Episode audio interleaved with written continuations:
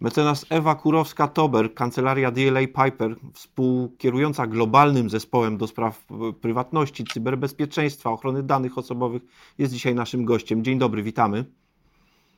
Dzień dobry panie redaktorze, dzień dobry państwu. E, czy to prawda, pani mecenas, że po niedawnym wyroku Trybunału Sprawiedliwości Unii Europejskiej w przedmiocie kwestii transferu danych e, obywateli, internautów poza granice Unii, może dojść do tego, że takie firmy, takie portale jak na przykład Facebook wycofają się z Europy? Wyrok w sprawie Schrems 2 jest kolejną odsłoną rewolucji w obszarze transferów danych osobowych, którą wywołał e, aktywista Max Schrems, e, prawnik Austriak, bardzo aktywnie walczący o prywatność obywateli Unii Europejskiej. I rzeczywiście wyrok, który zapadł w 2020 roku w tak zwanej sprawie Schrems 2, bo był to drugi wyrok już wywołany e, skargami składanymi przez Maxa Schremsa przeciwko Facebookowi, wywołał absolutne tsunami.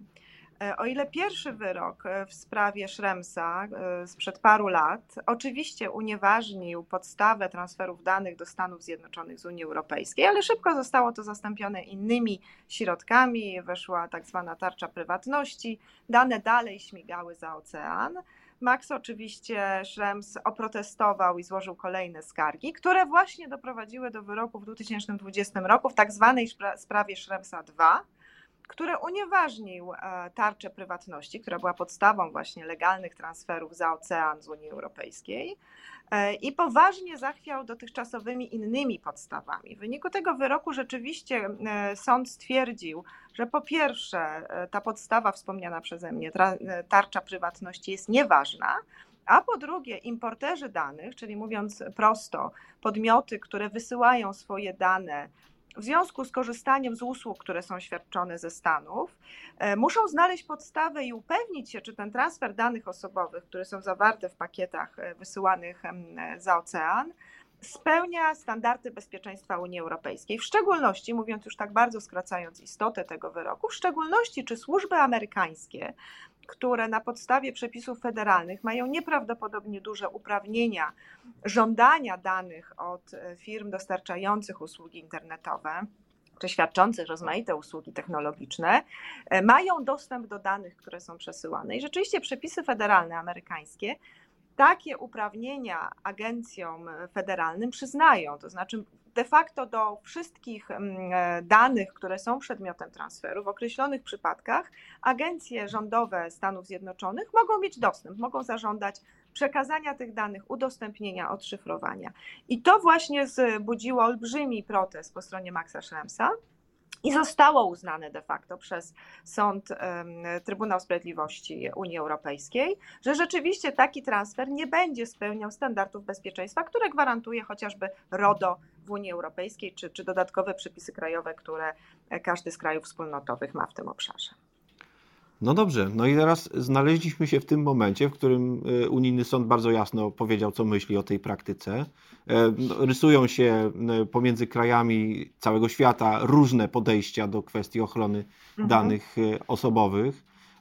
Wiemy przecież, że amerykańskie agencje zajmujące się bezpieczeństwem narodowym czy wręcz światowym gromadzą jakieś niewyobrażalne w ogóle katalogi e, danych, e, czy to biometrycznych, czy fotograficznych, zdjęć ludzi z całego świata i, i używają ich do swoich potrzeb, a być może nie tylko do tego. Jak się pozycja krajów europejskich na tym tle rysuje? My, my mamy jakieś szczególne podejście do danych osobowych? No właśnie, to jest bardzo ciekawy problem, bo na to trzeba spojrzeć troszeczkę w kontekście, ja to zawsze patrzę, nie tylko biznesowym, ale cywilizacyjnym. No e, Usługi, które są świadczone w tej chwili, są rzeczywiście oparte na masowym przetwarzaniu danych osobowych. E, korzystając z bankowości internetowej, korzystając z Facebooków, Instagramów, e, Twitterów, wszędzie dzielimy się swoimi danymi osobowymi i rzeczywiście oznacza to, że te dane są przekazywane za ocean w zdecydowanej większości, albo przynajmniej potencjalnie mogą być przekazane, a z kolei służby amerykańskie mogą mieć potencjalnie do nich dostęp.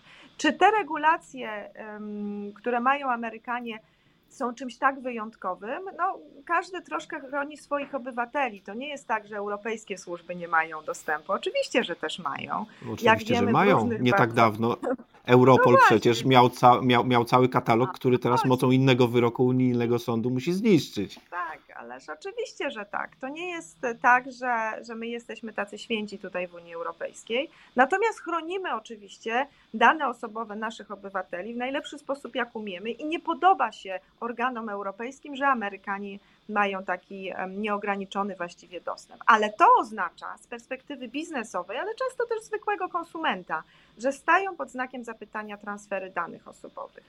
Czyli w ekstremalnym przypadku powinny być zatrzymane. Co oznacza zatrzymanie transferu? Zatrzymanie usługi. Czyli my nie będziemy mogli korzystać z tych wszystkich dobrodziejstw płynących do nas serwisów społecznościowych i technologii, jeżeli staną transfery. Oczywiście to nie jest tak, że transfery muszą bezwzględnie stanąć, ponieważ i wyrok sądu e, Trybunału Sprawiedliwości i Europejskiej Rady Ochrony Danych wskazał, że takie transfery są możliwe pod warunkiem, że właśnie importer, czyli ten podmiot, który wysyła te dane, zapewni, że dane będą bezpieczne, czyli doda jakieś dodatkowe zabezpieczenia, środki organizacyjne, które spowodują, że ten transfer będzie bezpieczny. E, I również podmioty, które świadczą te usługi, starają się wychodzić naprzeciw tym oczekiwaniom. Niektórzy przenoszą swoje centra serwisowe albo deklarują chęć przeniesienia centrów serwisowych do Unii Europejskiej, ale równocześnie pojawiają się takie głosy, o których pan redaktor wspomniał na początku, to w takim razie wstrzymujemy, tak? To wynosimy się z Europy. Jak Europa ma tak e, niesamowicie podwyższony poziom Mhm. bezpieczeństwa i takie wymagania, które od strony biznesowej są nieracjonalne, no to przykro mi, to wstrzymamy transfery. Ja mam wrażenie, że jest to trochę takie machanie szabelką, że to jest takie grożenie Mm. troszeczkę, żeby zmotywować organy i rządy do jakiejś aktywniejszej postawy. Dlaczego? Bo niektórzy mówią, że żeby te transfery były dalej możliwe, to jest niezbędna współpraca Unii Europejskiej ze Stanami Zjednoczonymi. Tylko na tym najwyższym poziomie uda się porozumieć tak, żeby obie strony były zadowolone. Przerzucanie ciężaru, i to jest taki osobisty e, pogląd często spotykany wśród osób specjalizujących się w prywatności, tak, tak jak ja się specjalizuję, że przerzucanie tej odpowiedzialności na zapewnienie bezpieczeństwa na podmioty prywatne, nawet największe firmy, w rzeczywistości jest prawie niemożliwe. Tak? Znaczy, jak największa firma może wymóc na organach amerykańskich, że nie będą mieli dostępu do danych? No oczywiście, że będą mieli. Więc tak naprawdę ja powoli dochodzę do wniosku, że tak długo jak się Unia Europejska nie porozumie ze Stanami, to troszeczkę jesteśmy na takim w martwym polu. I rzeczywiście to, jest- zagrożenie. Mhm. Może to jest pani mecenas zaproszenie dla Facebooka, żeby przeniósł centralę do Europy i w ten sposób zagwarantował sobie, że sięganie po dane internautów przez stronę amerykańską będzie niemożliwe. No, Facebook, jak również inni giganci technologiczni, bardzo wiele już e, spółek poprzenosili do, do Europy. To nie jest tak, że oni są tam okopani w, w Stanach Zjednoczonych i mówią nie, koniec, tylko stamtąd świadczymy. To nie jest tak. Mnóstwo usług jest już świadczonych z Unii Europejskiej, z Irlandii, tak? Nie bez powodu No tak. sprawa Maxa Schremsa właśnie toczyła się przed irlandzkimi sądami, ponieważ tam są siedziby, tam są serwery. Zresztą nie tylko Facebooka, również wielu innych e, wielkich firm technologicznych zlokalizowane. Więc rzeczywiście niektórzy mówią, że jest to też sposób wymuszania na tych piekielnie bogatych firmach przenoszenia biznesu do Unii Europejskiej. No jak nie wiadomo o co chodzi, często chodzi o pieniądze, tak? Mm. E, ale gdzieś rykoszetem bardzo poważnie e, dostaje biznes. Zwykły biznes, który potrzebuje korzystać z tych nowoczesnych rozwiązań technologicznych, które tak się składa, w olbrzymiej części są świadczone ze Stanów Zjednoczonych.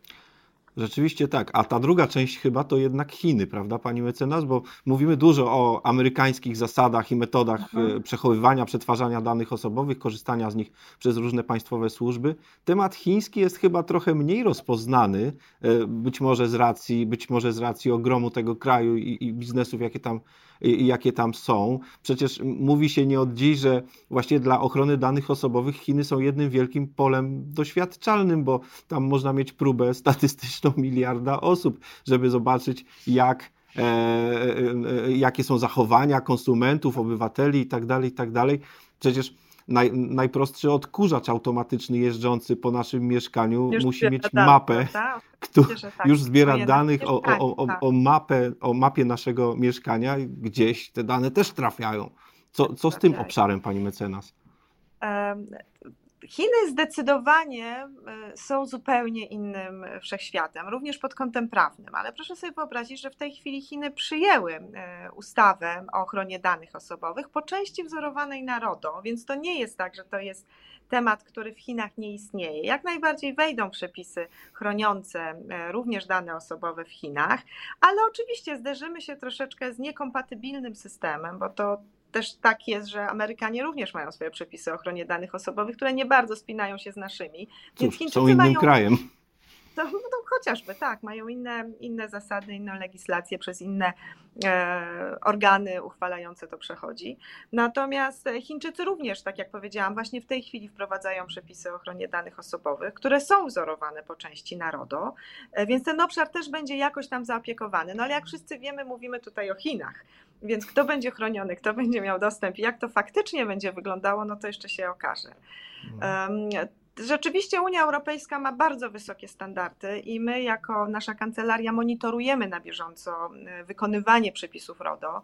E, w takim corocznym raporcie, który opracowujemy jako kancelaria badającym liczbę naruszeń ochrony danych osobowych zgłaszanych do organów, widzimy postępujący wzrost. To znaczy od czasu wejścia w RODO w parę lat temu, następuje cykliczny wzrost świadomości tych przepisów, co oznacza też liczbę zgłoszeń naruszeń, ponieważ RODO wymaga, że jeżeli mamy naruszenie ochrony danych osobowych, należy je zgłosić do organu e, ochrony danych osobowych w danym kraju. Rzeczywiście są kraje, to jest zresztą bardzo ciekawe, które zgłaszają wszystkie naruszenia i jest to u nich bardzo transparentne. Są kraje, które z mniejszą um, uwagą i dyscypliną podchodzą do tego obowiązku. A jak nasza znaczy... ojczyzna umiłowana się na tym tle, pani no mecenas to, prezentuje? To jest zaskakujące. Polska jest wyjątkowo wysoko w tym rankingu, co biorąc pod uwagę... To dobrze czy nie?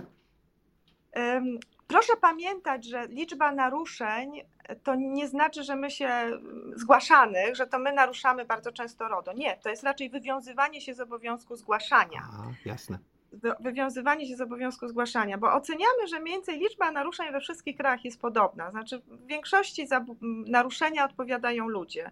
Ocenia się, że większość naruszeń ochrony danych osobowych to są ludzkie błędy. Nieuważność, niestaranność, lekceważenie procedur, zapomnienie laptopa, miejscu publicznym, nie skorzystanie z zabezpieczeń sieci. Z tego wynikają naruszenia w większości i one są mniej więcej na podobnym poziomie we wszystkich krajach. Natomiast różnie wygląda zawiadamianie o tych naruszeniach. I Polska bardzo wysoko jest plasowana w tym zestawieniu co może być zaskakujące, bo nie jesteśmy krajem, przynajmniej tak kolokwialnie postrzeganym jak Niemcy, że jesteśmy super zdyscyplinowani, bo oczywiście Niemcy bardzo wysoko, wysoki mają poziom zgłoszeń. Ale nasza specyfika wynika po części z dużej świadomości ochrony danych osobowych, którą mamy w Polsce. Obywatele wiedzą, że istnieje coś takiego jak ochrona danych osobowych, ale ta wiedza jest dosyć płytka, niemniej jednak wiedzą, że naruszenia są czymś złym. I to się przekłada na dużą chęć skarżenia do organów przez obywateli, którzy o tym wiedzą. Więc bardzo często się zdarza, że pracownik, były pracownik, wiedząc, że jest naruszenie w jego firmie, zawiadamia PłoDO, nasz, naszego prezesa Urzędu Ochrony Danych Osobowych, o zaistniałym naruszeniu. W związku z tym nasze podmioty, nasze firmy chcąc nie chcąc starają się wykonać ten obowiązek, zanim ktoś na nich doniesie, mówiąc brutalnie. Więc Jasne. rzeczywiście nasze, nasze podmioty zgłaszają w dosyć sposób zdyscyplinowany naruszenia. Ale jeśli dobrze pamiętam ten raport, który zresztą publikowaliśmy w Rzeczpospolitej, e, to stwierdziliście Państwo, że gdy chodzi o wysokość kar nakładanych e, za naruszenie przepisów ramowego rozporządzenia unijnego o ochronie danych, to my nie, nie jesteśmy jakoś szczególnie wysoko i właściwie dlaczego tak jest, jak Pani myśli? Już tłumaczę, to, to akurat nie jest zupełnie zaskakujące. Najwyższe kary w tej chwili, porównując od początku wejścia w życie przepisów RODO, e, zostały nałożone w Luksemburgu. To jest zresztą bardzo ciekawe, bo Luksemburg jeszcze do zeszłego roku nie nałożył ani jednej kary, hmm. po czym jedną decyzją przeciwko gigantowi sprzedaży online wskoczył na pierwsze miejsce karą 746 milionów no tak. euro, tak? I absolutnie zdeklasował pozostałych. Jedną karą, tak? Natomiast ciągle bardzo wysokie miejsce zajmuje Irlandia i Francja. To jest zrozumiałe, ponieważ Irlandia są, wiadomo, Facebook i inni giganci. Tak, a Francuz, Francuzi też przeciwko Google'owi nałożyli karę. A, tak. E, w związku z tym to jest skala podmiotu i rzeczywiście kary pod RODO nakłada się biorąc pod uwagę e, roczne przychody za zeszły rok przed naruszeniem e, dla, danego, dla danej organizacji, dla danej firmy. W związku z tym, jeżeli ukarana jest wielka firma, no to kara będzie wielka. Natomiast to, co jest ciekawe, obserwujemy taką różnicę, to w naszym raporcie też wskazujemy, że są regulatorzy, którzy nakładają wiele małych kar, tak jest na przykład w Polsce. My nie jesteśmy ani takim, że przywalimy straszliwie dużo, mocno, ale jedną karę, jak Luksemburg. My tak mieszamy, my mamy zróżnicowane i są malutkie kary i większe i istotne, mm. ale oczywiście odbiegające od tego europejskiego mm. poziomu, no bo tam są po prostu większe podmioty.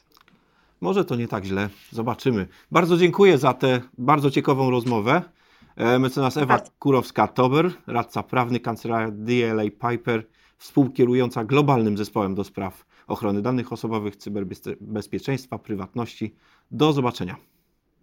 Bardzo dziękuję Państwu. Do zobaczenia.